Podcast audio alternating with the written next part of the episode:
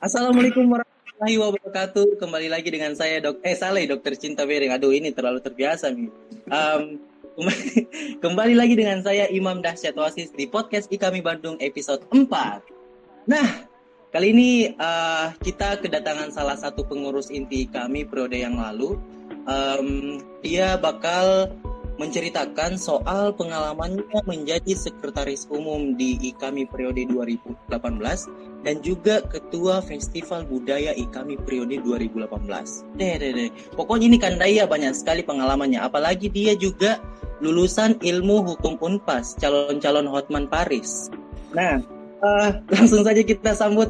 Halo, Kanda Junet, apa kabar? Alhamdulillah sehat walafiat. Bagaimana kabar teman-teman semua?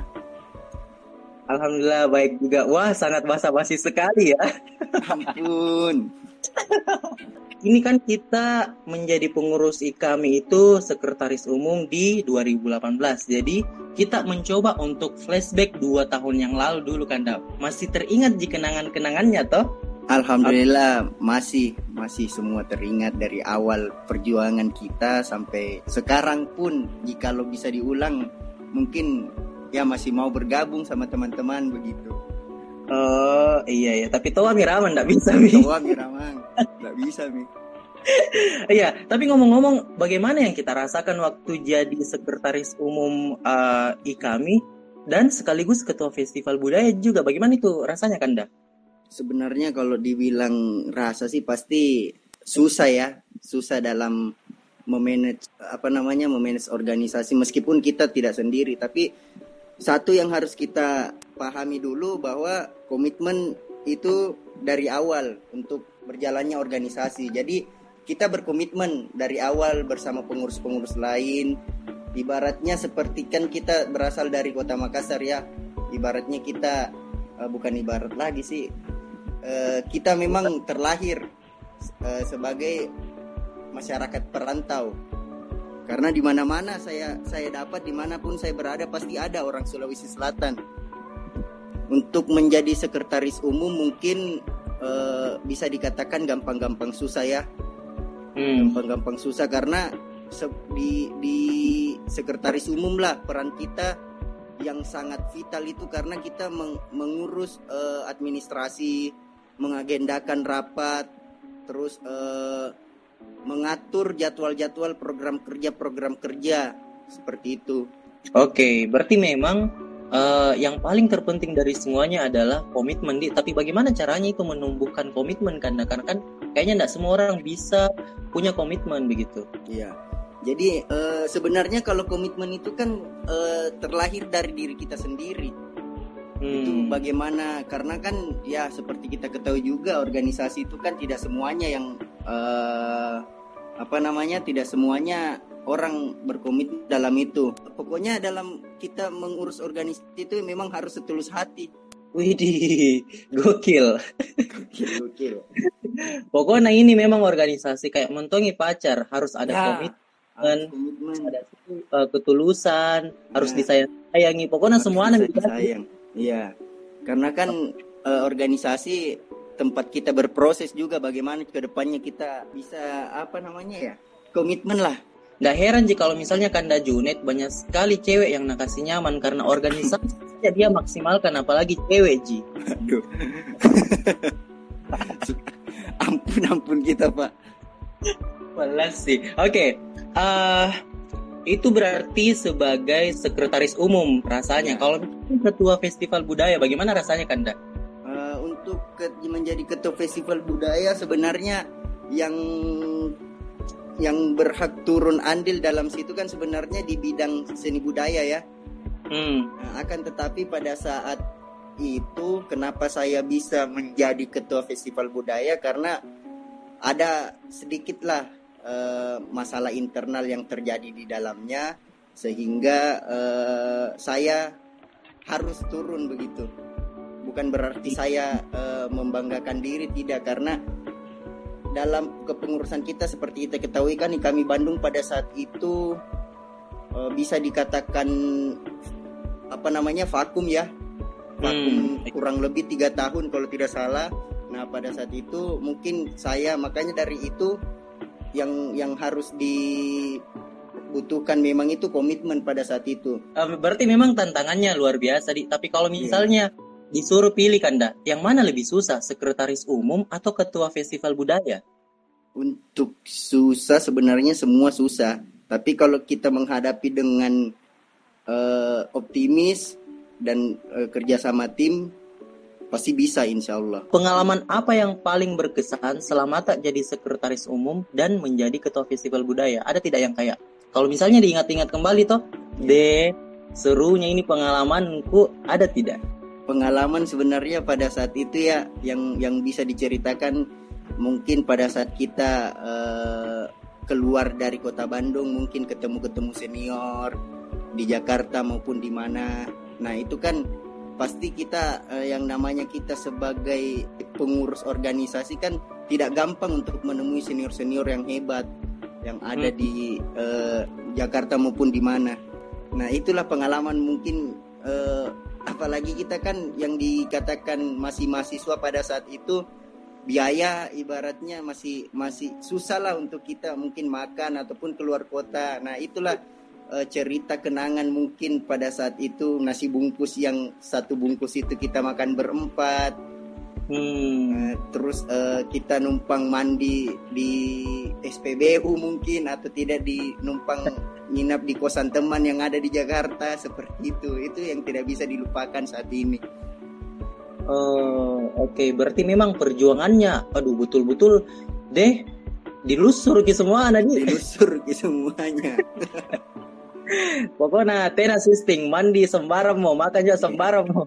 betul ini Yang masih penting- di lingkaran apalagi kan pada saat itu festival budaya yang benar-benar persiapan pada saat itu ya kurang kurang dari dua bulan lah kalau Oh, tidak salah cuma enam minggu atau tujuh minggu itu oke. pada saat itu. Nah, sedangkan kan kalau kita membuat acara seperti itu kan bukan uang kecil dalam organisasi, uang besar dan apa apalagi dengan persiapan satu setengah bulan.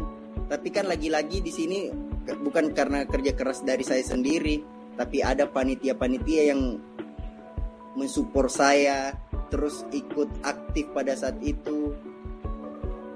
Jadi Hmm. sebenarnya yang yang lebih optimis pada saat itu sebenarnya panitia-panitia saya, Oke. panitia-panitia festival budaya sendiri seperti itu. Hmm. Iya iya. Pokoknya memang eh, demi proker, demi festival budaya semuanya dimaksimalkan nih dari Harus dimaksimalkan betul. segala macam.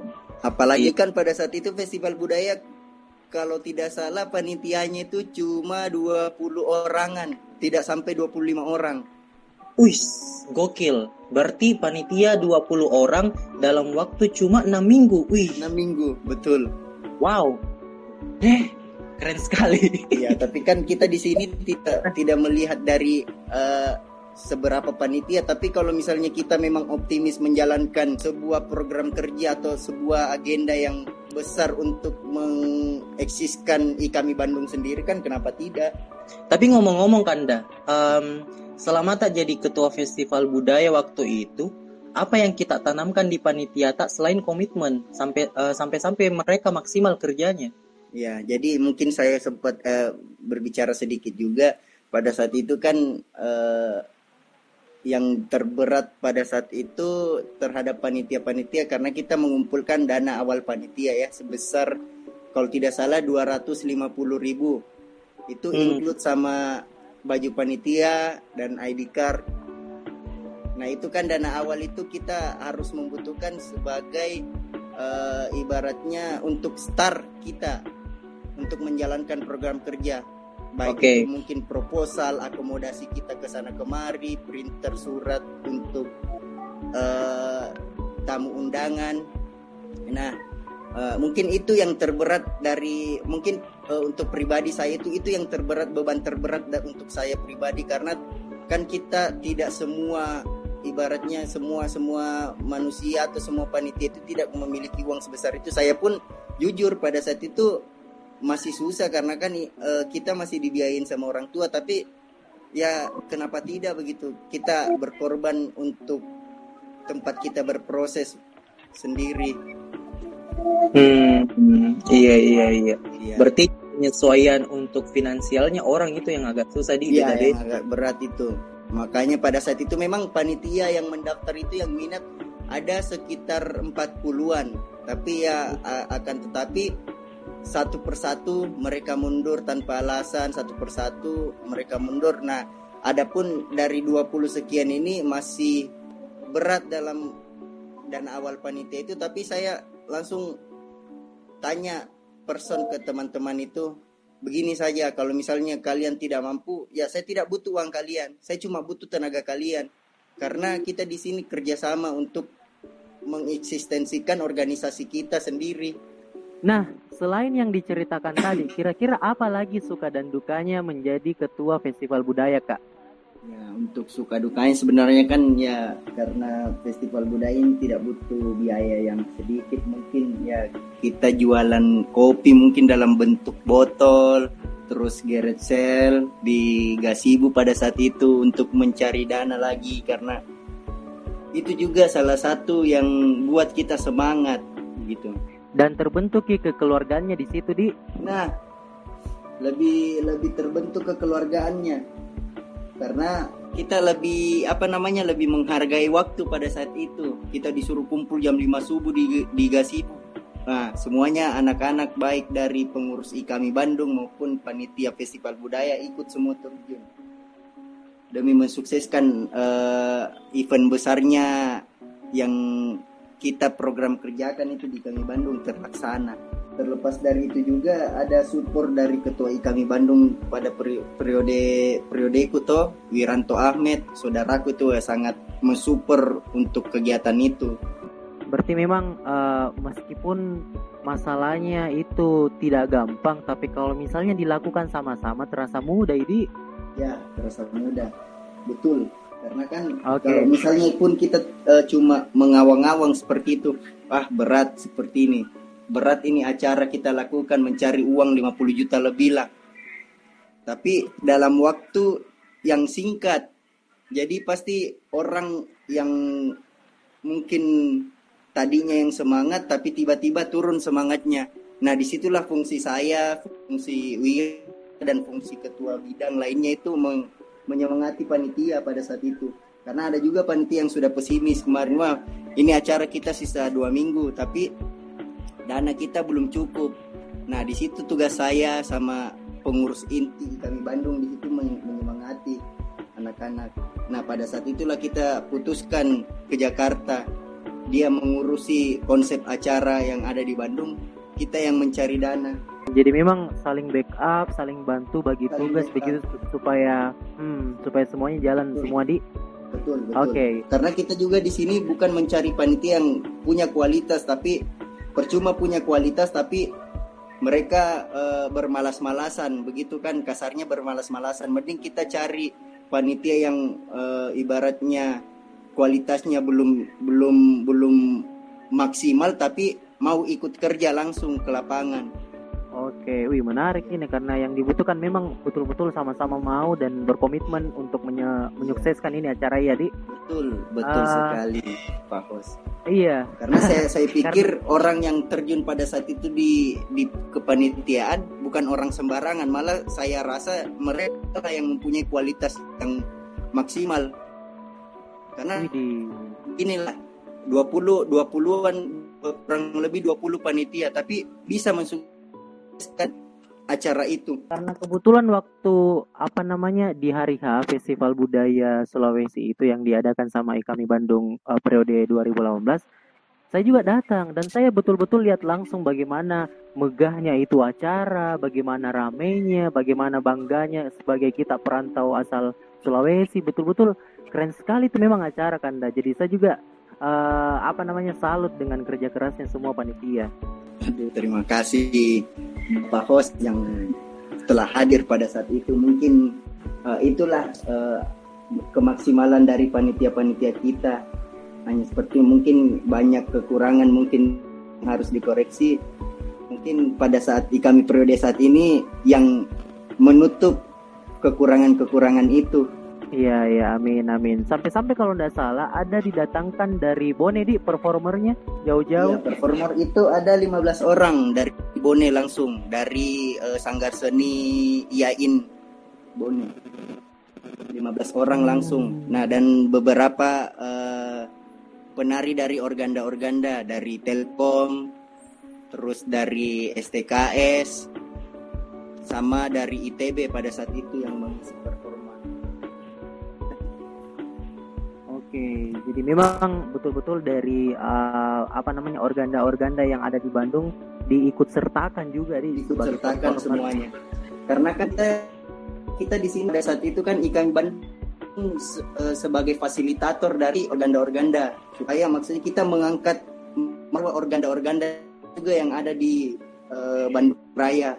Ya, dan satu lagi kenapa saya salut dengan acaranya Festival Budaya ini karena setelah vakum uh, terus tiba-tiba ada gebrakan baru dan gebrakan barunya ini betul-betul uh, menunjukkan identitas kalau kita ini dari Sulsel dan ini budaya tak betul-betul ditunjukkan wih budayanya ini Sulawesi Selatan banyak sekali begitu ya. Betul-betul bangga kita sebagai orang Sulsel pas datang itu acara.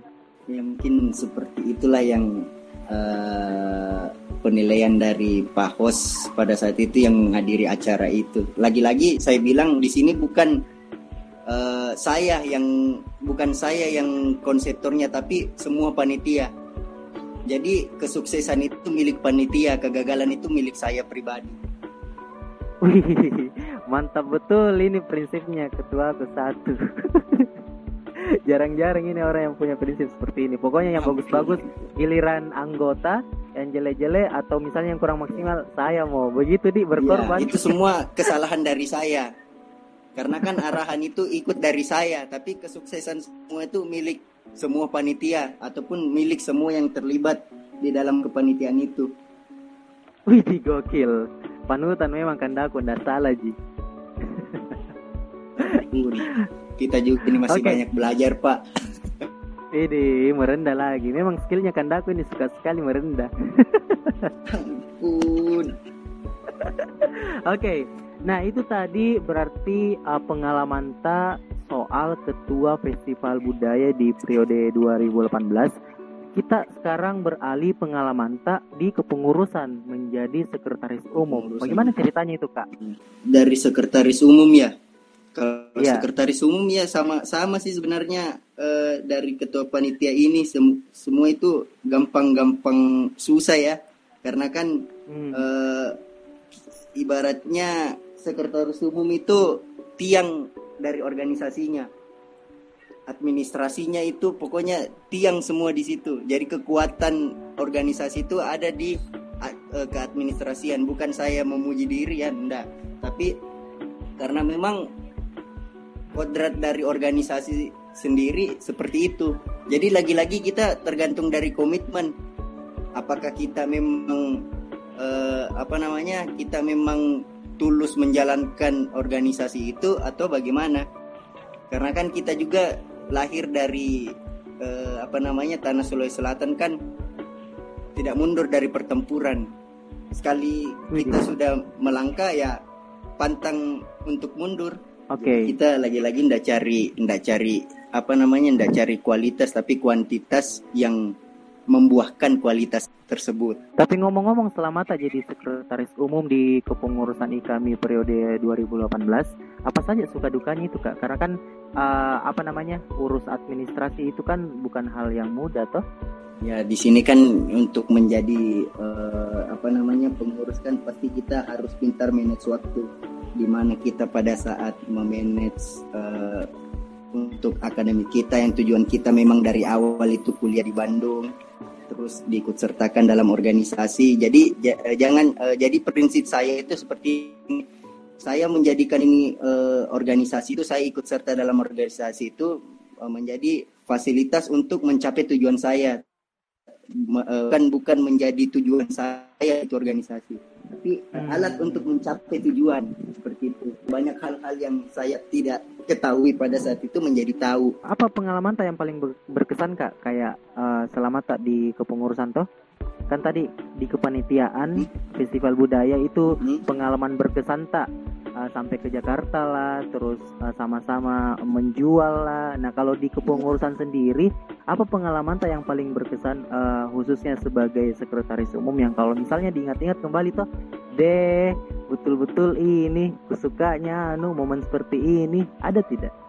Uh, paling karena kan saya untuk pengalaman itu karena saya fokusnya internal jadi mungkin tidak terlalu banyak lah pada saat itu mungkin karena uh, tugas terus mengajar rapat rakorbit dan sebagainya. Nah pak yang paling sulit mungkin pada saat me, me follow up pengurus-pengurus yang uh, berbagai rapat. Seperti itu mungkin yang yang yang pada saat ini um, belum apa namanya belum tercapai di saya pribadi.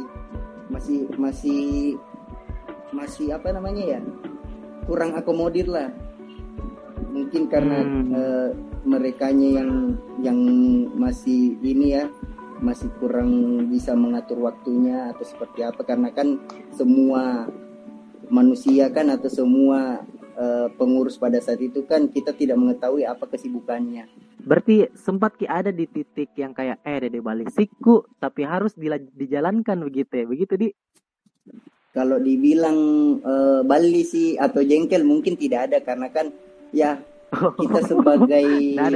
Eh, kita sebagai mungkin uh, inti dalam organisasi itu kan tidak bisa memiliki prinsip seperti itu yang hmm. yang kita harus uh, yang yang kita bisa apa namanya lakukannya cuma bisa mengingatkan teman-teman saja bahwa kalian sudah sudah disumpah loh pada saat itu kalian sudah uh, apa namanya sudah terlibat dalam organisasi itu jadi kita cuma memfollow up saja.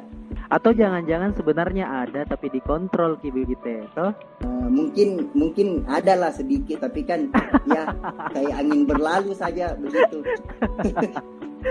Akhirnya keluar lagi. Mungkin ada ya tapi kan maksudnya ya seperti angin berlalu daripada maksudnya kita fokus ke situ masih banyak pekerjaan-pekerjaan lain yang harus kita garap. Jadi betul. jangan jangan jadikan betul, jangan betul. jadikan hal itu menghambat untuk kegiatan kita selanjutnya. Mm-mm, betul. Kita harus fokus ke solusi daripada masalah ya. Pokoknya intinya intinya intinya sih di sini eh, harus ada komunikasi dua arah. Mungkin dari ketua, sekretaris, bendahara, kabit sampai departemennya. Begitupun dari departemen, ketua, eh, bendahara, sekretaris, terus ke ketua umumnya jadi harus ada komunikasi dua arah di dalam organisasi itu supaya maksudnya kita mengetahui juga oh ini permasalahan yang uh, yang dia alami, ini permasalahan yang uh, apa namanya yang di kita harus tutupi seperti itu. Oke, jadi memang setiap ada masalah di organisasi, kita perantas sebagai pengurus inti memang harus jadi pendengar yang baik di supaya tahu apa masalahnya, begitu di. Iya. Nah, dengan segala kesibukan tak di kepanitiaan ketua festival budaya, terus di kepengurusan sebagai sekretaris umum, bagaimana cara tak mengatur waktu kuliah dengan urusan organisasi, Kak? Mengatur kuliah sama uh, urusan organisasi. Jadi pada saat itu memang uh, awal perkuliahan itu saya sudah uh, apa namanya bukan pesimis eh apa ya bukan pesimis dalam akademik pada saat itu karena memang saya sudah yakin wah saya tidak bisa selesai tepat waktu pada saat ini karena uh, saya memulai proses maksudnya dalam dalam perantauan itu saya diamanahkan menjadi baru diamanahkan menjadi sekretaris umum di mana bisa dikatakan ini hal yang vital dalam organisasi itu. Nah, hmm. tapi dengan berjalannya waktu sedikit demi sedikit saya punya target oh bahwa meskipun saya mengikuti organisasi, saya tetap harus menyelesaikan kuliah dengan tepat waktu. Karena kan kasihan juga orang tua kita, orang tua kita yang membiayai kita. Eh, masa kita tinggalkan begitu saja menghabis-habiskan uang orang tua seperti itu. Jadi di situlah pas mulai masuk ke kami itu saya baru memanage waktunya itu uh, bisa dikatakan efektif karena kan bukan cuma urusan uh, kuliah saja organisasi mungkin ada juga hubungan person antara wanita seperti itu Waduh, memang pengalaman tak tidak cuma di organisasi juga eh, saja di or- eh, pengalaman tak ada juga di cewek-cewek begitu. Kayak Wah, jago sekali skill tak. Tidak dikasihan. Tetap setia sama satu cewek toh. Satu jangan ditahu, yang lain nak. Nggak jadi deh. Ba- ada sebenarnya muka bilang tapi baru gak sadar ini podcast si kami boleh. Ya mungkin itu Nanti pada kita- saat ini ya terlepas dari podcast saja mungkin kita berbincang lebih. Dan hostnya ini mungkin eh, bukan sedikit banyak tahu lagi tapi sudah hatam sekali tentang percintaan apalagi kan sudah dokter cinta. Ampun. Kenapa ada penyerangan balik kurasa rasa ini? Oke. em, nah, dengan segala pengalaman organisasi takkan sudah betul-betul kita jelaskan secara detail eh, di kepengurusan sebagai sekretaris umum, di kepanitiaan sebagai ketua festival budaya. Betul-betul jadi inspirasi sekali buat orang-orang yang dengar eh, pernah mi ada di posisi di bawah, di atas juga pernah. Pokoknya segala macam rintangan yang eh, apa namanya yang sudah kita lalui. Eh, terima kasih untuk semua eh, pengalaman yang kita ceritakan kak. Semoga ini bisa jadi eh, pelajaran buat orang-orang yang dengar eh, bagaimana caranya manajemen organisasi toh. Iya. Oke. Ya mungkin Ah, dalam podcast ini positifnya saja mungkin yang bisa dipetik negatifnya jangan di ini kan ya. Iya, eh, dan kayaknya positif semua jika kalau Kak Junet Ji, nggak pernah negatif, nggak Ampun. mungkin dong. Kak Junet Ast- itu nggak pernah negatif. Kita juga masih belajar ini. Belajar dari kesalahan kan. Oke, nah karena sudah penutup kita eh, main games dulu kan dah, toh ada gamesnya ini. Nah, Iya. Oh, ada games dia ya. jadi ada dong. Pokoknya kalau misalnya masalah permainan, Kak Junet jagonya ini karena dia jago memainkan hati wanita. Dia. Oke. Nah, eh, jadi ini gamesnya adalah pertanyaan jawab cepat namanya, toh? Jawab cepat. Jadi nanti Jawab cepat, ada, Mm-mm. jadi nanti ada lima pertanyaan. Setiap pertanyaan ada dua pilihan. Dari dua pilihan itu harus jawab cepat untuk memilih. Kayak begitu permainannya. Nanti eh, setelah dari pertanyaan jawab cepat tadi itu harus dijelaskan apa alasannya kita pilih itu. Begitu kurang lebih. Wah, mati kita. Siap, siap. Oke, sudah siap? Insya Allah siap.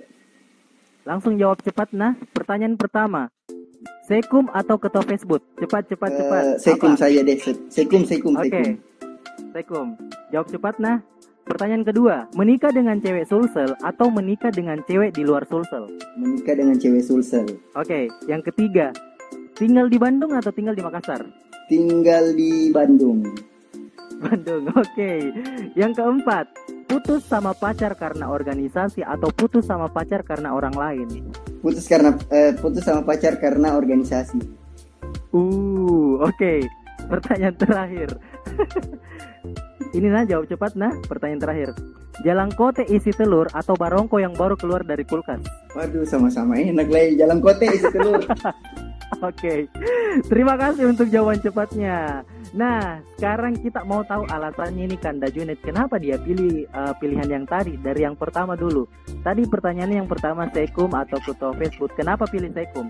Ya, Sekum karena kan eh, saya bisa jadi ketua Facebook karena menduduki jabatan itu mungkin meskipun pada saat itu bukan saya yang ditunjuk tapi saya men- eh, apa namanya mengajukan diri karena hati saya yang eh, memanggil dan eh, optimis bisa melaksanakan ini akhirnya saya bersiap diri untuk menjadi ketua festival budaya seperti itu. Iya, iya, iya. Wih, luar biasa. Oke, yang kedua, menikah dengan cewek Sulsel atau menikah dengan cewek di luar Sulsel. Tadi dipilih cewek Sulsel. Kenapa itu? Padahal kan uang paneknya mahal. Nah, mungkin karena sebelum saya eh, menginjakkan kaki di kota Bandung itu, saya sudah eh, bernasar pada saat itu.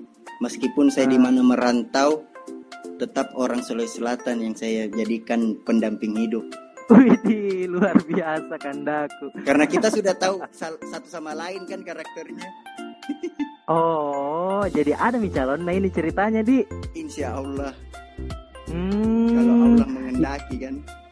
Oke, ternyata karena memang ada nih ceweknya. Yakin kak kalau misalnya tidak ada ceweknya ini napilih luar Sulsel. Ampun.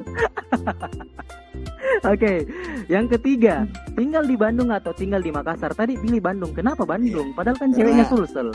eh Bandung mungkin itu saya rasa tempat yang paling nyaman ya. Hmm. Meskipun mungkin kita lahir dari lahir dan besar di Sulsel, tapi saya rasa Bandung yang paling nyaman. Mungkin dari Oke. eh, cuacanya, terus eh, masyarakatnya yang ramah, seperti itu. Hmm, iya iya. Bisa milih tahu nanti ada next Dilan Milea dari Sulsel di. Ampun. Oh, yang dingin-dingin kita suka suasananya di. iya, Bang. supaya maksudnya ini otak berpikir enak, fresh juga. Oh, otak Ji, bukan yang lain. Oke, langsung saja eh, ke pertanyaan selanjutnya. Putus sama pacar karena organisasi atau putus sama pacar karena orang lain? Tadi dipilih putus sama pacar karena organisasi. Kenapa itu? Karena kalau putus eh, sama pacar karena orang lain kan berarti ada orang ketiga. Nah bilang anak-anak sekarang pelakor. Kalau dari organisasi, kalau dari organisasi kan sebelum menjalin hubungan juga kan kita sudah menjelaskan bahwa ini dan dan eh, si perempuannya itu kan sudah mengerti apa kesibukan dari organisasi tersebut. Lagi-lagi kan jatuhnya komitmen. Betul, betul, betul, betul. Oke, begitu dia alasannya. Oke, yang terakhir. Nah, ini pertanyaan yang paling sulit ini. Jalan kote isi telur atau barongko yang baru keluar dari kulkas deh nyaman nih itu karaeng. Kenapa pilih jalan kote isi telur? eh karena mungkin saya eh, tidak terlalu suka sama makanan-makanan yang manis mungkin karena karena sudah terlalu manis kayaknya ya. Takut tambah manis nanti jadi diabetes. Karena memang Eh, saya, saya karena saya lebih suka eh, makanan yang gurih sama yang asin. Hmm, Dan dia iya, andalan itu jalan kote. deh, tidak ada obatnya. Tapi sepakat kak iya kalau Kak Junet ini manis, Ki. saking manisnya kalau misalnya berdiri sama gulaku, minder gitu gulaku. Oke, jalan kote isi telur di apalagi yang itu lombok nah dari botol aqua deh. Hai, Ayo. jalan itu. Oke deh, karena sudah uh, menjawab lima pertanyaan tadi, sudah memilih juga pertanyaan jawab cepat beserta alasannya. Jadi uh, selesai sudahlah podcast di kami episode 4 pada hari ini. Terima kasih untuk Anda June selaku narasumber yang Ya, betul-betul terima dia kasih juga. Hmm, Terima kasih juga Iya, untuk panitia yang telah mengundang saya untuk mengisi eh, program kerja dari kami Bandung sendiri. Semoga Siap. ke depannya makin jaya, makin banyak gebrakan-gebrakan yang eh, lebih besar daripada kepengurusan-kepengurusan yang lain. Amin, amin, amin, amin. Dan jaga kesehatan, apalagi kan zaman pandemi seperti ini. Iya, iya, iya. Kak June juga jaga kesehatan Insya karena Allah. ini memang uh, pandemi kayak nggak ditahu-tahu gitu. Iya. karena agak masif juga ya. Terima kasih untuk Kak June sekali lagi karena uh, sudah berbagi pengalamannya, ilmunya soal organisasi uh, di kepengurusan maupun di kepanitiaan. Em, ya, untuk teman-teman yang mendengar, uh, semoga ini bisa jadi inspirasi, semoga ini bisa jadi uh, pelajaran atau pengalaman buat teman-teman sekalian. Uh, saya Imam Dahsyat, pamit undur diri. Terima kasih. Wassalamualaikum warahmatullahi wabarakatuh. Bye bye.